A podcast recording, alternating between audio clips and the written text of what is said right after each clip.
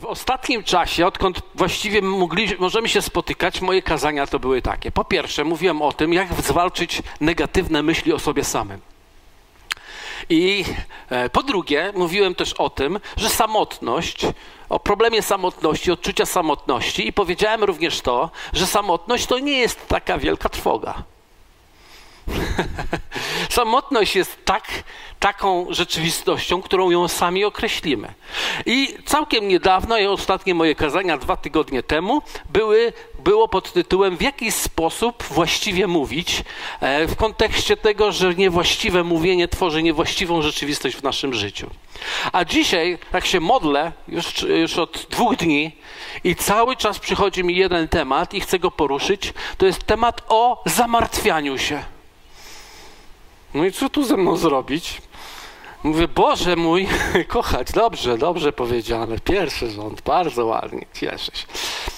Zamartwianie się i pomyślałem sobie, to chyba powstała seria i naprawdę z inspiracji Ducha Świętego. Ilu z was było pobłogosławionych poprzednimi tematami? Ktoś był w ogóle? O, no halleluja, dziękuję bardzo, jesteście zawsze kochani, dlatego lubię głosić w swoim kościele. Mój Boże, co, co to w ogóle za kościół? Jak krytykują, to tak tajnie, że nigdy nie można wyczuć. Słuchajcie, więc tak. Więc pomyślałem sobie, że powstała seria, którą chyba można by było nazwać Zabójcy Duszy. Bo właśnie te wszystkie obszary chcą zaatakować ciebie i, i zniszczyć twoje życie. Dlatego, że jeżeli ktoś ma duszę zdrową, ten ma życie zdrowe. Jeżeli ktoś ma myśli zdrowe, ten ma życie zdrowe. Jeśli ktoś ma emocje zdrowe, ten ma emocje zdrowe. Dzisiaj mamy osoby, które będą właśnie zajmowały się tą, tymi sferami w tygodniu, więc trafiam na bardzo ciężki, ciężki, że tak powiem, grunt. E, jest, czuję się pod kontrolą, ale Panie Jezu, wszystko, co się nauczyłem od Pana Boga, więc to przebijcie. Słuchajcie, zamartwianie się. Ilu z was się w ogóle martw, zmartwiło kiedykolwiek czymkolwiek? Wszyscy? Ktoś się nigdy niczym nie zmartwił? Nie ma psychicznie chorych. Dobrze, dobrze. Kochani, wiecie, tak naprawdę zmartwienia są częścią naszego życia. Zmartwienia i w ogóle smutek, o, właśnie też wiem tu od pani, pani e, pedagog, psycholog, przepraszam, Pedagog. Pedagog mam tu, psycholog jest tam. Ja mam, mamy wszystkich. Jest psychiatra? Potrzebujemy psychiatry. Módlcie się o psychiatrę w kościele, który umie też wyganiać demony. Nie ma takich. Będą, będą, nadchodzą. Amen? E, wracając do tematu, chcę Wam powiedzieć, że smutek, to wiem właśnie od pani psycholog, smutek jest, e, jest darem jest rodzajem daru, jest pewnym, ducho, jest pewnym wewnętrznym ostrzeżeniem lub pewną reakcją, która jest naturalną reakcją, której nie należy się bać. Zobaczcie, zwróćcie uwagę, e, specjalnie sobie przygotowałem psalm 113 od wersetu trzeciego. Zobaczcie, co tutaj jest napisane. Mamy go? O, jest. Aha, w czcionce mi nie, nieodpowiedniej, więc przeczytam z, z mojego. Dopókiż mieć będę zmartwienie w duszy. w ogóle słyszycie to słowo dopókiż? To polskie słowo dla młodzieży mówię. Dopókiż mieć będę zmartwienie w duszy, a strapienie w sercu codziennie. Dopókiż nieprzyjaciel mój będzie wynosił się nade mnie Wejrzyj, wysłuchaj mnie, Panie, Boże mój, rozjaśnij oczy moje, abym nie zasnął snem śmierci. Zobaczcie, dwie rzeczy, które się rzucają w oczy. Po pierwsze, Dawid miał, był też, przeżywał swoje smutki. Przeżywał swoje zmartwienia i miał zmartwienie mocne i mało tego, mało tego, miał pewną niesamowitą świadomość. To słowo dopókiż to jest takie słowo już więcej nie chcę. Już więcej nie chcę, już mam dość, dopókiż mówi, że mam dość. I nie chcę tego. Dlaczego? Dlatego, że jeśli to pozostanie we mnie, to doprowadzi mnie do miejsca, które się nazywa snem śmierci. Wiecie, Dawid też nie skończył szkół psychologicznych, ale on już też wiedział o tym, że zmartwienie, a inaczej zamartwianie się, może doprowadzić do śmierci. Wiecie, rozmawiałem z Panem Bogiem i mówię tak, skoro smutek jest darem od Ciebie, skoro emocja smutku czy, y, czy zmartwienie, no przychodzą różne komunikaty i to przychodzi do nas, i zmartwienie, to jaki jest problem w tej obszarze? Dlaczego coś jest darem, co jak jest w naszym życiu, to może nawet przynieść śmierć? I wtedy Duch Święty pokazał mi to, co z tym fragmentem dotyczącym gniewu. Pamiętajcie? Pamiętacie? Powiedziane jest: gniewajcie się, lecz nie grzeście, niech nad waszym gniewem nie zachodzi słońce. Okazuje się, że te niby negatywne emocje są częścią naszego życia, ale problem nie jest to, że one się pojawiają, bo one mają jakieś zadanie, ale problem jest to, kiedy zaczynamy y, jakby robić gniazdo temu w naszym życiu, kiedy powodujemy, sprawiamy, że w naszym życiu one zagnieżdżają się. I zacząłem się modlić i zobaczyłem, jak Duch Święty mi powiedział tak. Zmartwienie nie jest problemem, ale zamartwianie już tak. Dlatego, że zamartwianie to jest tak naprawdę wprowadzenie czarów do swojej duszy. Zacząłem nad tym się zastanawiać, dlatego że zamartwianie to jest manipulowanie wewnętrzne, to jest coś, co w naszej starej naturze zmusza nas do tego, żebyśmy się sami gnębili. Ponieważ za zamartwianiem stoimy głównie my, ja i ty. To ja i ty mamy tą tendencję medytowania, zmartwienia do miejsca, w którym zaczynamy się zamartwiać. To jest tak, jak, jest tak, martwię się, czy zamartwiam się. E, można zamawiać choroby również. To jest też za, sprowadzanie duchowej rzeczywistości do swojego życia. Można również e, zaczarowywać rzeczywistość i zamartwianie się jest takie zaczarowywanie swojej duszy i wprowadzanie jej w stan agonii śmiertelnej. Zaczynamy powoli umierać, zaczynamy tracić życie. To może nas doprowadzić do grobu. Nie wiem, ilu z Was wie, pamiętacie o Jakuba, który miał dwunastu synów, i pamiętacie, jak Józefa wrzucili do studni jego najmłodszego syna nie ostatniego, ale najmłodszego. I tego najmłodszego syna, kiedy wrzucili do studni, sprzedali, ojcu powiedzieli, że co? Że umarł, że został rozszarpany przez dzikie zwierzę.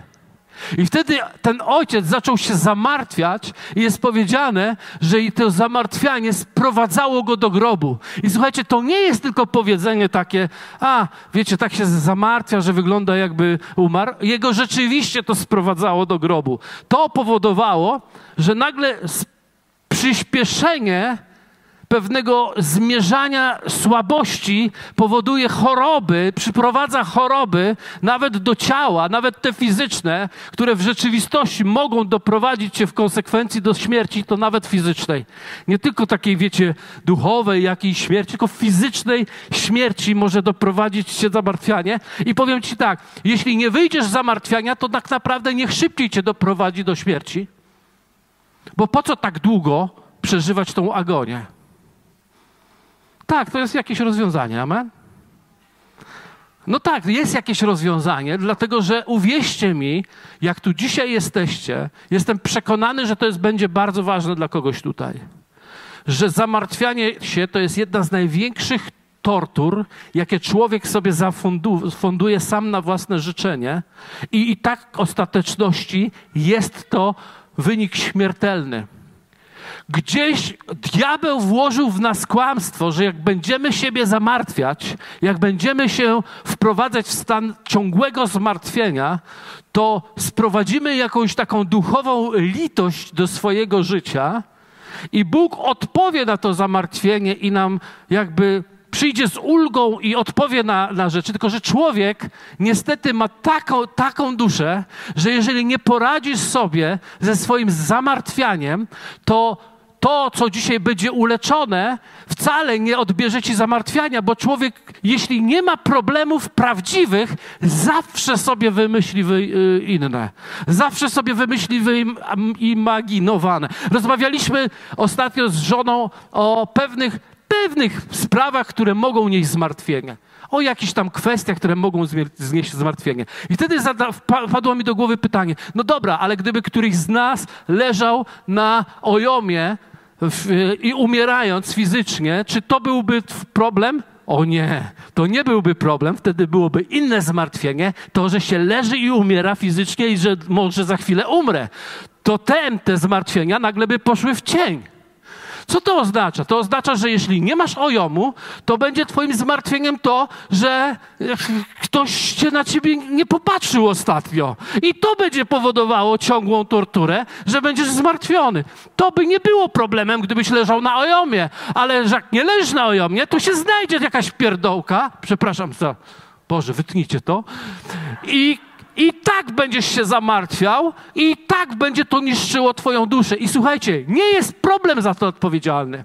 To nie jest choroba za to odpowiedzialna. To nie jest sytuacja za to odpowiedzialna, tylko odpowiedzialni jesteśmy my sami, ponieważ wyćwiczyliśmy się w przyjmowaniu tej pozycji ofiary i przekonaniu, że jakby fałszywym Boga, dzisiaj mamy inny obraz Boga, ale wiecie, to w nas siedzi. To nie wychodzi powoli to wychodzi bardzo, bardzo długo, zanim złapiemy, że nic nie jesteśmy w stanie ani włosa dołożyć do, naszego, do naszej głowy naszym zmartwieniem, ani kawałka pójść do przodu przez zamartwianie, mimo to w naszej praktyce, w naszej kulturze życia, nawet wyznając, że Jezus jest Panem, On jest Królem, to w naszej praktyce nadal wierzymy, że zamartwianie nam przyniesie odpowiedź a ona nie przyniesie odpowiedzi, ponieważ odpowiedź jest to, kim ty będziesz w Jezusie Chrystusie i to, co On uczyni w Twoim życiu. Więc to, że przychodzi zmartwienie, to nie jest problem, ale to, że zaczynamy to pielęgnować, że zaczynamy się o to, wokół tego kręcić, to jest problem. I słuchajcie, zgadnijcie co? Ilu z was wie, że Jakub się zamartwiał i to doprowadzało go do grobu? Wiecie o tym, tak? Wiecie. A ilu z was wie, że zamartwiał się z powodu śmierci syna, tak? A ilu z was wie, że syn nie umarł? Wiecie, co to mówi? Że diabeł, że większość zmartwień twoich jest oparte o kłamstwo, ale i tak będziesz się martwił, efekt jest, więc wystarczy, że cię okłamie. A wiecie, co najbardziej cię okłamuje? Twoje myśli. Twoje myśli. Jakoś jesteśmy w stanie wydubać w swojej głowie myśli, które nas okłamują. Jakoś w jakiś niestworzony sposób z tych, zamiast wybrać te Halleluja o Bogu, o tym, kim jesteśmy w Bogu, co On ma dla nas, jakie On ma myśli o nas, to my odkładamy myśli, jakie On ma o nas i zaczynamy dobierać te myśli, których się boimy najbardziej i nimi robimy rachunek sumienia na wieczór, nimi e, pielęgnujemy swoje sny w środku nocy, nimi one nas budzą, one nas rano nie odstępują, one w nas pracują, dlatego że dajemy im do tego prawo i fundujemy sobie życie pełne zmagania, pełne trosk, a kochani moi, nie jesteśmy w ogóle do tego powołani. Jesteśmy powołani do zwycięstwa również w sferze emocjonalnej, również w naszej duszy. Amen? Amen? Diabeł okłamuje. To oznacza, większość Twoich zmartwień nie jest oparte o, o, o rzeczywisty problem jest często oparte o nieprawdę, którą diabeł zasiał w Twoim życiu. Chcę Wam teraz opowiedzieć o Annie. Była taka kobitka w Starym Testamencie. To jest pierwsza księga Samuela. Miała na imię Anna. Anna oznacza łaska i wdzięk. To ma na imię Anna? Jest tu jakaś Anna? Gdzie Anna? No, łaska i wdzięk, faktycznie. Brawo dla łaski i wdzięku. Anna miała na imię Anna, co oznacza łaska i wdzięk. Ale miała jeden, jeden problem. Tym problemem było to, że nie mogła urodzić dzieci. Była bezpłodna. Albo inaczej, po prostu nie zachodziła w ciążę. Miała też koleżankę, to jest ta koleżanka, to była drugą żoną jej męża. Jej mąż miał dwie żony. Wiecie, kiedyś ludzie żyli w takim ryzyku życia.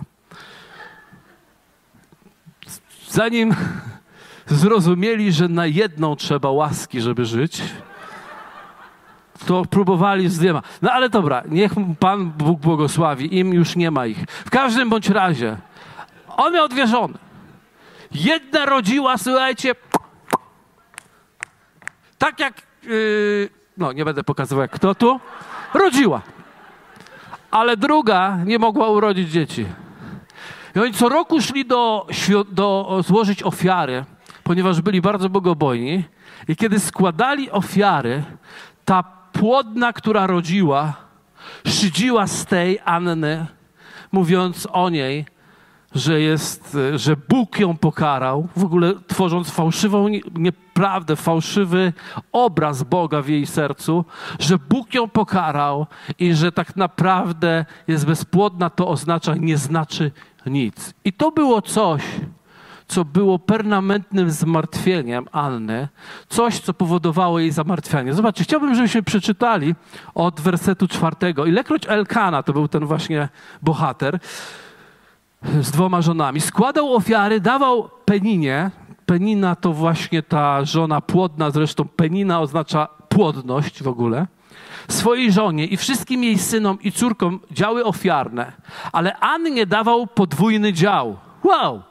Bo Annę miłował bardziej, chociaż Pan uczynił ją bezpłodną. Dosłowne tłumaczenie nie, jeszcze nie spowodował jej płodności. Tak oznacza dosłowne znaczenie. Jej przeciwniczka wyrządzała jej liczne przykrości i upakarzała ją dlatego, że Pan uczynił, e, nie doprowadził jeszcze do zapłodnienia w, niej, w jej życiu. Tak działo się corocznie, ilekroć przychodziła do domu pańskiego, w ten sposób wyrządzała jej przykrość. Ta zaś płakała i nie jadła. I rzekł do niej Elkana, jej mąż, Anno, dlaczego płaczesz i dlaczego nie jesz? Dlaczego smutne jest twoje serce? Czy ja nie jestem dla ciebie lepszy niż dziesięciu synów? A gdy skończyli w Sylo spożywanie i picie, Anna wstała, kapłan Heli zaś siedział na krześle w podwojach świątyni pańskiej. Zobaczcie, ta właśnie kobieta przeżywała naprawdę zmartwienie duszy. Ona była przygnębiona. Ona była przygnębiona do takiego miejsca, że jej mąż, który okazywał jej więcej miłości niż tej pierwszej, wyróżniał ją, dawał jej podwójną cząstkę tego, co jej i jej synom.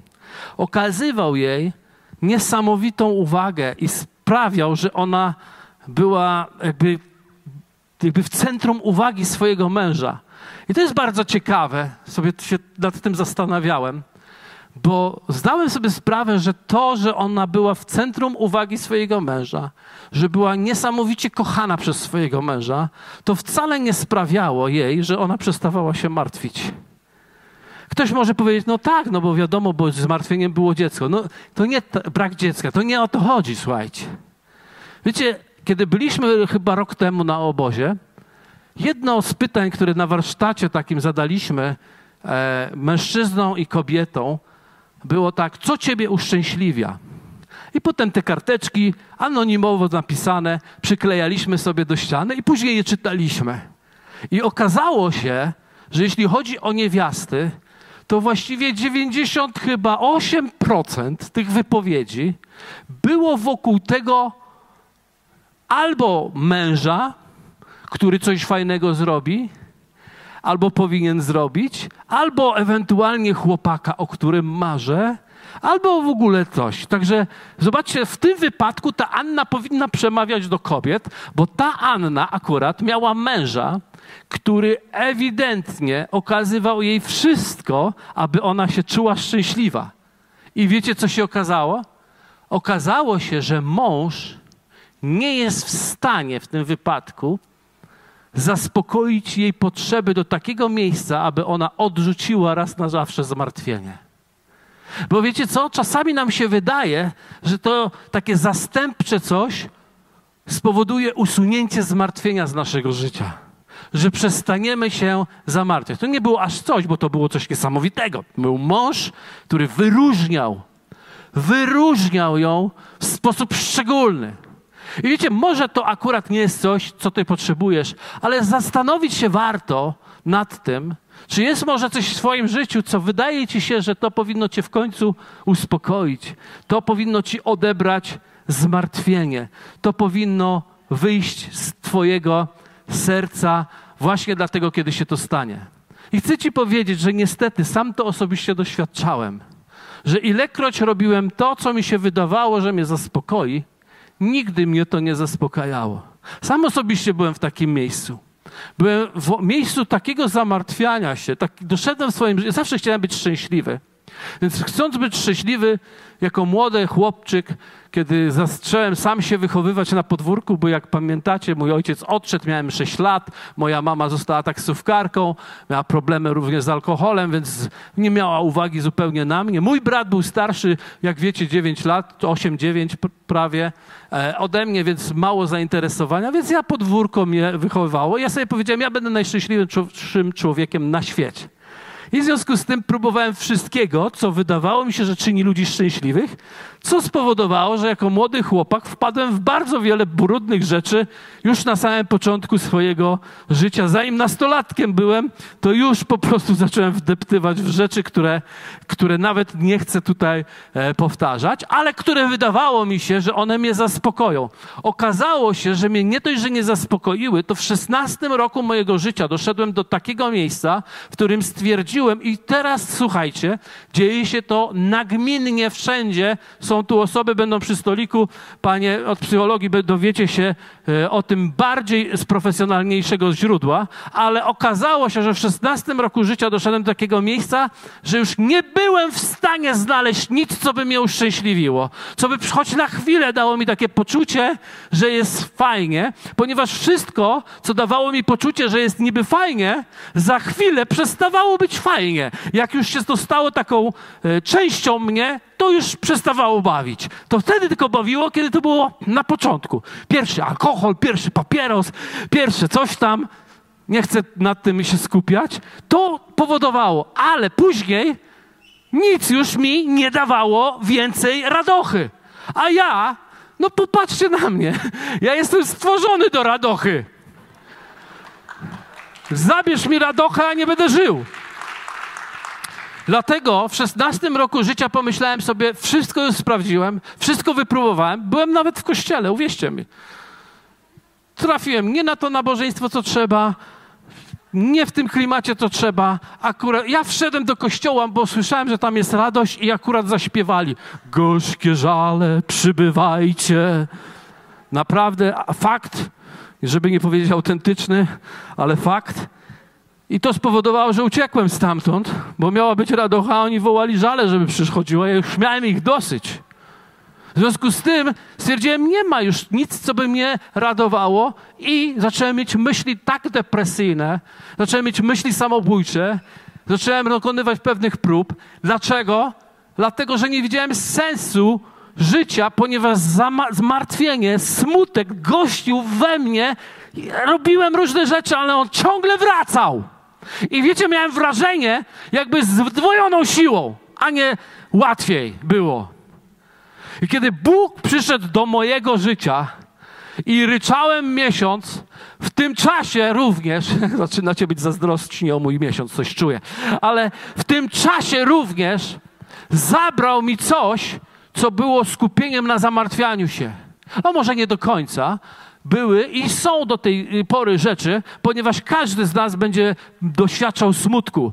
Ale co zrobimy z tym smutkiem na dzień dobry, będzie zależało od każdego z nas, od mojej decyzji. Ponieważ słuchajcie, to w pewnym sensie może to kogoś zbulwersować, może to kogoś e, e, zgorszyć nawet, ale z tym wewnętrznym smutkiem i z tym zaproszeniem tego zamartwiania się do naszego życia, to nie radzi sobie w nas Bóg, ale my przy pomocy Bożych narzędzi, które nam daje. To jest kluczowe, żeby to zrozumieć. Jeśli tego nie zrozumiemy, będziemy wciąż oczekiwać na tą odpowiedź z zewnątrz i będziemy jeszcze bardziej ryczeć i jeszcze bardziej płakać, ale, ale to nie, nie przyniesie zmiany do naszego życia, tylko coraz większą depresję. Nawet w kościele. Nawet w kościele, właśnie przez ten fakt, jeśli nie zrozumiesz, że Bóg działa zawsze we współpracy z nami, zawsze we współpracy z nami. On przychodzi spokojem do ciebie, ale ty decydujesz, czy ten pokój zatrzymać u siebie, czy wygonić i wpuścić z powrotem strach, lęk, obawy, smutek, rozpacz, niewiarę, e, narzekanie. Największą bramą na zniszczenie swojego wewnętrznego pokoju jest Twój język. Mówiliśmy o tym dwa tygodnie temu. Jeśli nie zamkniemy języka i nie otworzymy języka we właściwy sposób, jeśli nie zamkniemy drzwi na narzekanie, a nie otworzymy je na słowo wiary, które jest oparte o to, co Bóg myśli na mój temat, to, to będzie cały czas powracać, cały czas jak bumerang. I będziemy potrzebować, jak Saul. Pamiętacie Saula, który ciągle był, ciągle był przez złego ducha męczony i Dawid przychodził i mu grał i kiedy mu grał, to wtedy on odchodził na chwilę, a kiedy przestawał grać, z powrotem wracał. My tak nie chcemy.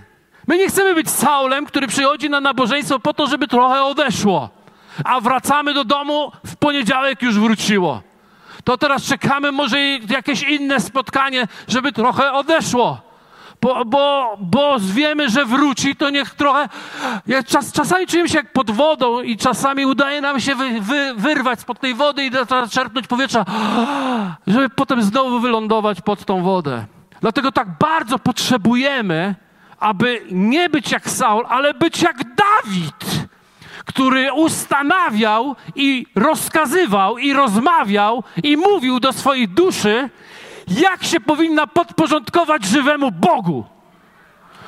I wtedy Bóg to zmieni. I wtedy Bóg to zmieni. I popatrzcie, tu się stało coś niesamowitego. Przeczytajmy następne wersety od dziesiątego. I z goryczą w duszy modliła się ona do Pana i bardzo płakała. I złożyła ślubowanie, mówiąc: Panie zastępów, jeśli wejrzysz na niedole służebnicy, jeśli wspomnisz na mnie, a nie zapomnisz o swojej służebnicy i dasz swojej służebnicy męskiego potomka, to jak oddam go Panu po wszystkie dni jego życia i nożyce nie dotkną jego głowy. A gdy tak długo przed Panem się modliła, Heli przypatrywał się jej ustom. Lecz Anna ledwo szeptała, a tylko wargi jej się poruszały, głosu jej zaś nie było słychać, to też Heli miał ją zapijaną. I rzekł do niej Heli, dopókiż będziesz się zachowywać jak pijana, wytrzeźwiej ze swojego upicia. Anna zaś odpowiedziała, mówiąc: Nie mój panie, lecz jestem kobietą przygnębioną, ani wina, ani innego trunku nie pijam nie piłam, ale wylewam swoją duszę przed Panem i nie uważaj swojej służebnicy za kobietę przewrotną, gdyż z głębi swej troski i zmartwienia dotychczas mówiłam. Wtedy odpowiedział Heli, mówiąc: Idź w pokoju, a Bóg Izraela da ci to, o co go poprosiłaś.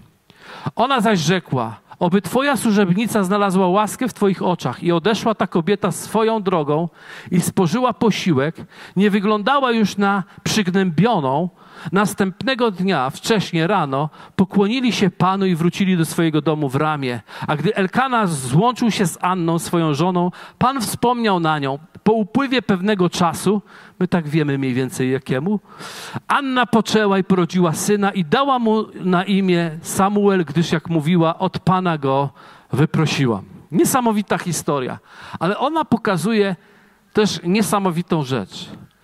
Wiemy, że Anna dostawała tą podwójną cząstkę od męża, ale o, to było z ofiary, aby mogła jeść i pić, e, świętować tą czas, który mieli przed Panem. Ale ona nie była w stanie jeść i pić, mimo że nawet miała tą podwójną cząstkę, to nie, nie miała czasu ani możliwości tego skonsumować. Bo człowiek, jak jest naprawdę zmartwiony, nie potrafi cieszyć się nawet błogosławieństwem, które przychodzi e, do jego życia. Więc ona nie jadła, ale przez to też była w takim stanie postu, była za każdym razem, kiedy przychodziła przed Pana, była w takim miejscu e, postu. I to jest niesamowite, ale, e, ale to powodowało, że jej serce jakby nastawiało częstotliwość. Ona zaczęła nastawiać swoją częstotliwość na Pana. Wiecie, człowiek, kiedy się zamartwia i użala, często użala się na swój los, często zamartwia się wewnątrz siebie. Powoduje, że zaczyna ten smutek go zżerać od środka. Tu widzimy Annę w inny sposób. Tu widzimy Annę, która mówi tak. Która wylewała swoją duszę przed Panem. Ona wylewała swoją duszę przed Panem. Zobaczcie, jakie niesamowite. Okazuje się, że smutek może nam pomóc w naszym spotkaniu z Bogiem.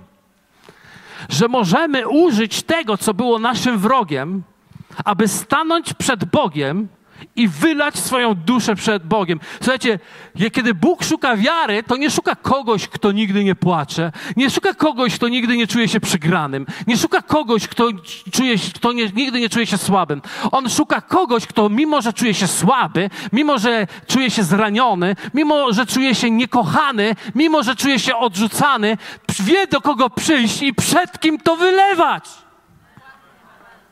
Ona nie robiła to przed mężem, ona robiła to przed Panem.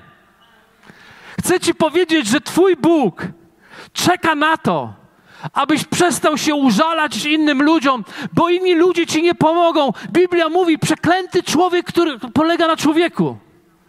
Przeklęty ten, który polega ufność swoją kładzie w człowieku. My wierzymy, że ktoś może nam odpowiedzieć, ale nikt ci nie odpowie. Prawdziwa odpowiedź jest zawsze z nieba, bo to twoje uleczenie nie da się pole, ule, uleczyć po ludzku. Twoje uleczenie może się uleczyć tylko przez zaproszenie, obecność Boga do twojego życia osobistego. Dlatego wylewała swoją duszę przed Panem. I teraz u, uważajcie, ona, ona mówiła, ona to robiła szepcząc. szepcząc. I Heli tak patrzył, ponieważ w tamtych czasach e, modlitwa to była e, modlitwa. Kiedyś myślano, że ktoś, kto szepcze, to obraża Boga. Dzisiaj na odwrót. Myślimy, ktoś, kto krzyczy, obraża Boga. Ale kiedyś było na odwrót. w każdym bądź razie, nieważne czy szepczesz, czy krzyczysz, czy ogłaszasz, czy cokolwiek, ważne jest to, żebyś wylewał serce, a nie tworzył e, takiego gołosłowia nie chodzi o to, żebyś po prostu klepał cokolwiek w trakcie swojej modlitwy, ale żebyś wylewał serce. I chcę, żebyście dobrze zrozumieli ten fragment. Ona powiedziała: Jeśli mi dasz syna, to ja go ci oddam na służbę. On nie zetnie głowy. I wydawałoby się, że Bóg odpowiedział na taki interes, że z Bogiem można zrobić interes, że jeżeli Boże odpowiesz w moim życiu na tą moją modlitwę, to ja wtedy przyniosę taką ofiarę. Albo pójdę do Częstochowy na kolanach. Albo, nie wiem, zrobię jakąś, jakiś taki... I wtedy jak Bóg tak popatrzy, że aha, czyli co, jak ja to zrobię, to ty to zrobisz? Tak, jak ja to zrobię, jak ty to, Panie, zrobisz, to ja to wtedy zrobię. I wydawałoby się, że ktoś mógłby pochopnie pomyśleć, że Anna, Anna robi interes z Bogiem, chcąc mieć syna, Bóg wtedy odda syna i będzie załatwione. I Bóg mówi: O, niezły deal, opłaca mi się to, w związku z tym bądź płodna. Tak to nie zadziałało. To ktoś, kto pobieżnie tylko tak patrzy, może tak opacznie zrozumieć, ale prawda jest taka. Słuchajcie, każdy pierworodny w Izraelu należał do Pana. To była własność Boga. On po prostu należał do Boga. I żeby go wykupić, trzeba było złożyć ofiarę z dwóch synogarlic, ofiarę po prostu, która by powodowała, że on, mimo że jest, należy do Pana, to rodzice zabierają go od Pana, na, na, żeby móc dla niego żyć. Anna jednak powiedziała: Ja go nie odbiorę. Dlaczego? Dlatego, że pokazała Bogu, że w jej sercu, jej serce nie kieruje się egoizmem, ale jej serce kieruje się chwałą Boga.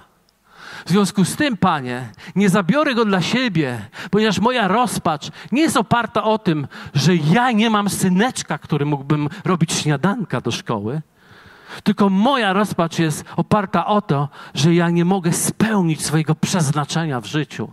A moim przeznaczeniem jest zrodzić syna, który będzie, słuchajcie, ostatnim sędzią Izraela i pierwszym prorokiem Pana na, jego, na ziemi. Więc to nie jest interes, to jest pokazanie serca. Boże, nawet jak mi coś dasz, to ja tego nie zagarnę, bo wszystko do Ciebie należy. A tutaj nie ma do ubicia interesu. Tu jest okazanie serca. Nie potrzebuję zaspokojenia moich emocji po to, żeby być egoistą. Potrzebuję odpowiedzi w tej sprawie, ponieważ chcę oddać Bogu chwałę swoim życiem i życiem swojego potomstwa. Widzicie to? Widzicie to? Dlatego pierwsza rzecz, musimy stanąć przed Bogiem i naprawdę wylewać swoją duszę przed Nim. Idź do Boga, wylewaj swoją, poświęć na to czas. My poświęcamy tyle czasu, żeby wylewać swoją duszę do internetu, do Facebooka, do różnych miejsc, do ludzi, zalewać im swoimi emocjami. Żony mężów, mężowie żony, dzieci rodziców, rodzice dzieci.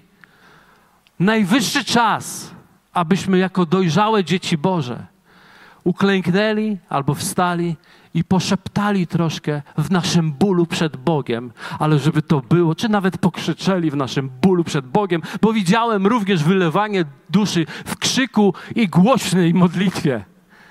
Nieważne jakiej, ważne, żebyś wylał to w końcu z siebie i powiedział jak Dawid: Ja tego więcej nie chcę. Ja tego nie chcę, bo to doprowadzi do śmierci moje życie, a ja nie chcę. Kochelet powiedział, co ma człowiek? Ma wszystko, a zmartwienie całe życie. To jest marność, ponieważ całe życie zmartwiony i zmartwiony, zmartwiony poszedł do grobu, a bogactwo jego przypadło innym. W związku z tym nasze życie, nasze zwycięstwo będzie w poradzeniu sobie naszej duszy, a nie w naszym portfelu. Więcej zwycięstwa ma ten, który nie ma nic, a radość w sercu, niż ten, który ma wszystko i smutek i żal, który go przygnębia.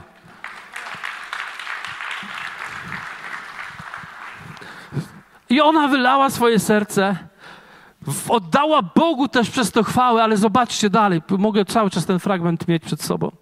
Zobaczcie dalej, że przyszedł do niej Heli i powiedział jej, o co chodzi. Ona wyjaśniła mu, że, że nie piła żadnego trunku, że nie uważaj mnie za przewrotną, ale mam troski, zmartwienia. I mówiłam z głębi serca, wylałam je przed Bogiem.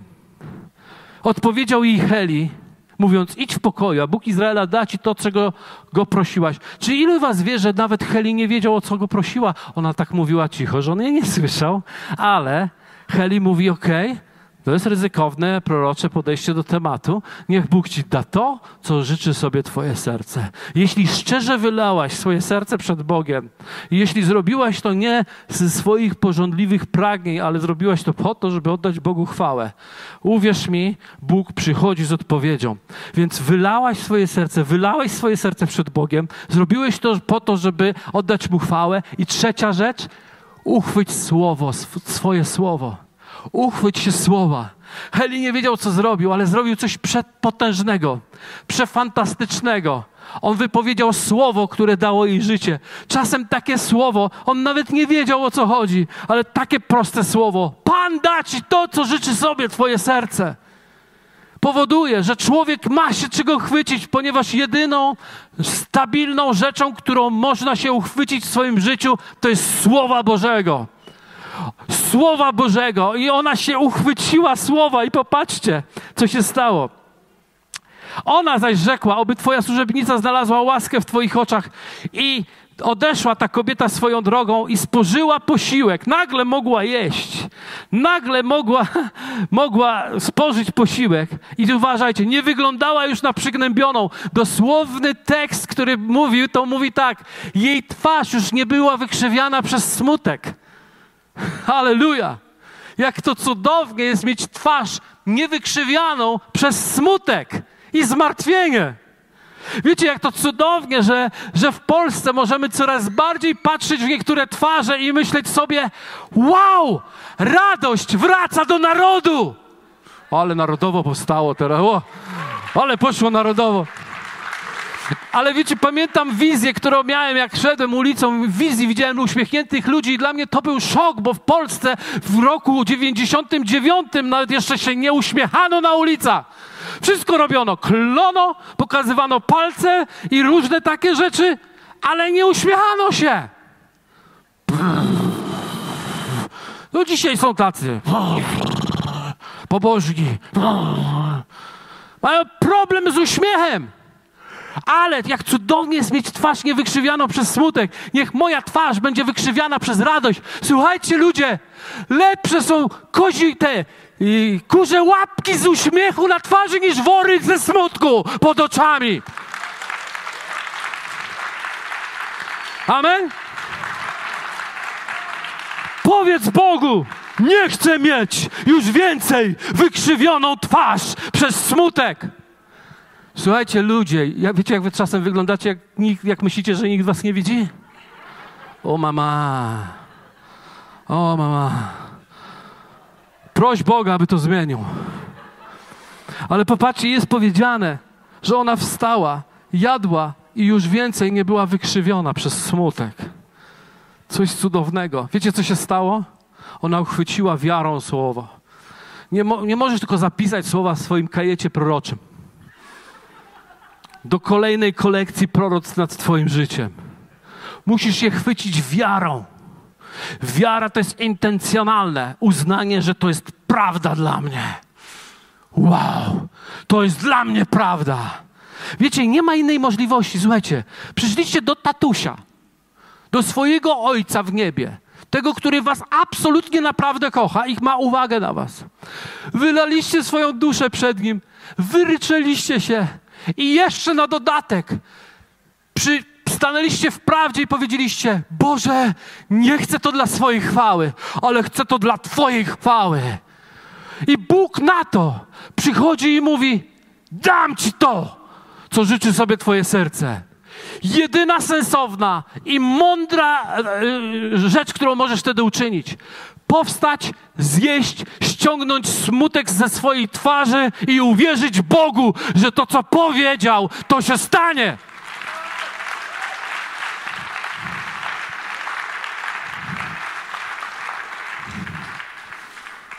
To jest niesamowite.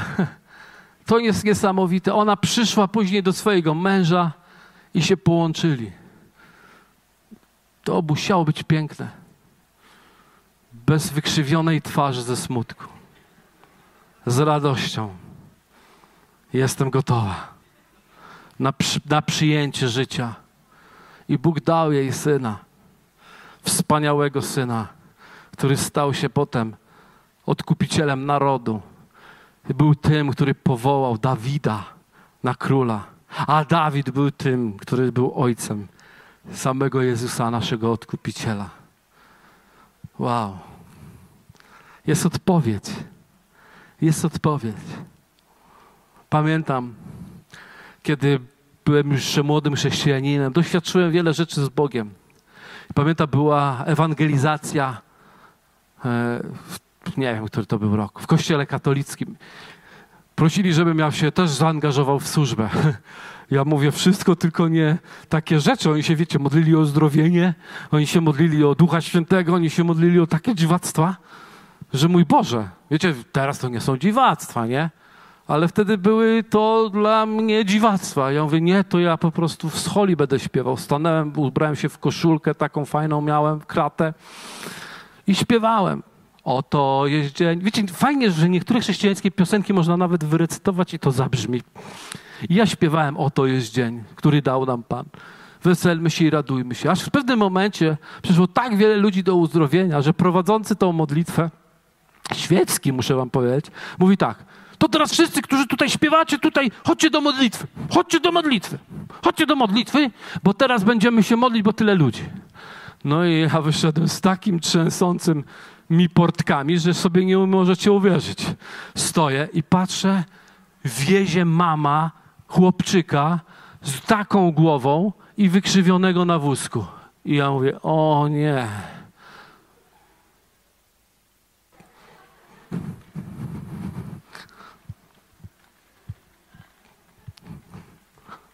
Tak, jesteśmy gotowi. Nie wiem, co się stało, ale ona tak kręciła tym wózkiem, że dojechała do mnie. Ja go zobaczyłem, mówię, Boże mój, mój Boże. Miałem zmartwienie. Miałem zmartwienie. I zaraz wam powiem, dlaczego to mówię. Ale wtedy, wiecie co zrobiłem? Położyłem moje ręce na tej dosyć dużej głowie. I wypowiedziałem modlitwę wiary. Brzmiała tak: Boże, Tyś mnie w to wpakował. Ty mnie z tego wyciągnij. Nic więcej nie powiedziałem. Chwilę, sekundy po tym, jego głowa zaczęła się zmniejszać pod moimi rękoma. A potem on stał z tego wózka i po klęczniku w kościoła zaczął biegać, taki był szeroki. Biega i wszyscy wpadli w szał. I powiem wam coś takiego. Ja tego nie zrobiłem. Absolutnie tego nie zrobiłem. Zrobił to ten, który mnie w to wpakował. Ale nie ja.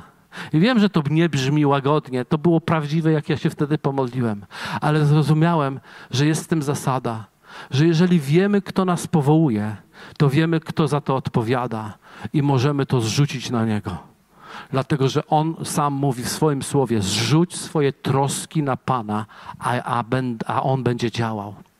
Tak, tak uczy Słowo Boże. Zrzuć swoje troski na Pana, a On będzie działał. I wiecie, zauważyłem jedną rzecz, że Bóg czeka, aż rzucimy troski, żeby On mógł działać. I On mi też pokazał, że jak się zamartwiamy, to tak jakbyśmy Mu zabraniali działać. Ale kiedy wstajemy, zjemy, chwycimy się słowa i ściągniemy wykrzywioną twarz ze siebie przez smutek, zaufamy Bogu, to przyjdzie odpowiedź. Czy zauważyliście to, że do Anny przyszło najpierw uzdrowienie serca, najpierw uzdrowienie wnętrza, a potem się zamanifestowała jej rzeczywiste pragnienie? Bóg zawsze działa w ten sposób. On chce Cię dotknąć od środka do zewnątrz. On chce Twoją rzeczywistość zmienić nie przez to, że zmieni rzeczywistość i przez chwilę poczujesz ulgę. On chce zmienić to, co jest w Tobie, aby to zmieniało wszystko, co jest wokół Ciebie. Halleluja. Tak jest nasz Bóg. Dzięki za odsłuchanie podcastu Kościoła Wrocław dla Jezusa. Przesłanie było dobre, prawda? Gwarantujemy, że to nie tylko teoria. Teraz Twój ruch, by zastosować je w swoim życiu. Jeśli chcesz dowiedzieć się o nas więcej, odwiedź stronę wdj.pl. Do usłyszenia!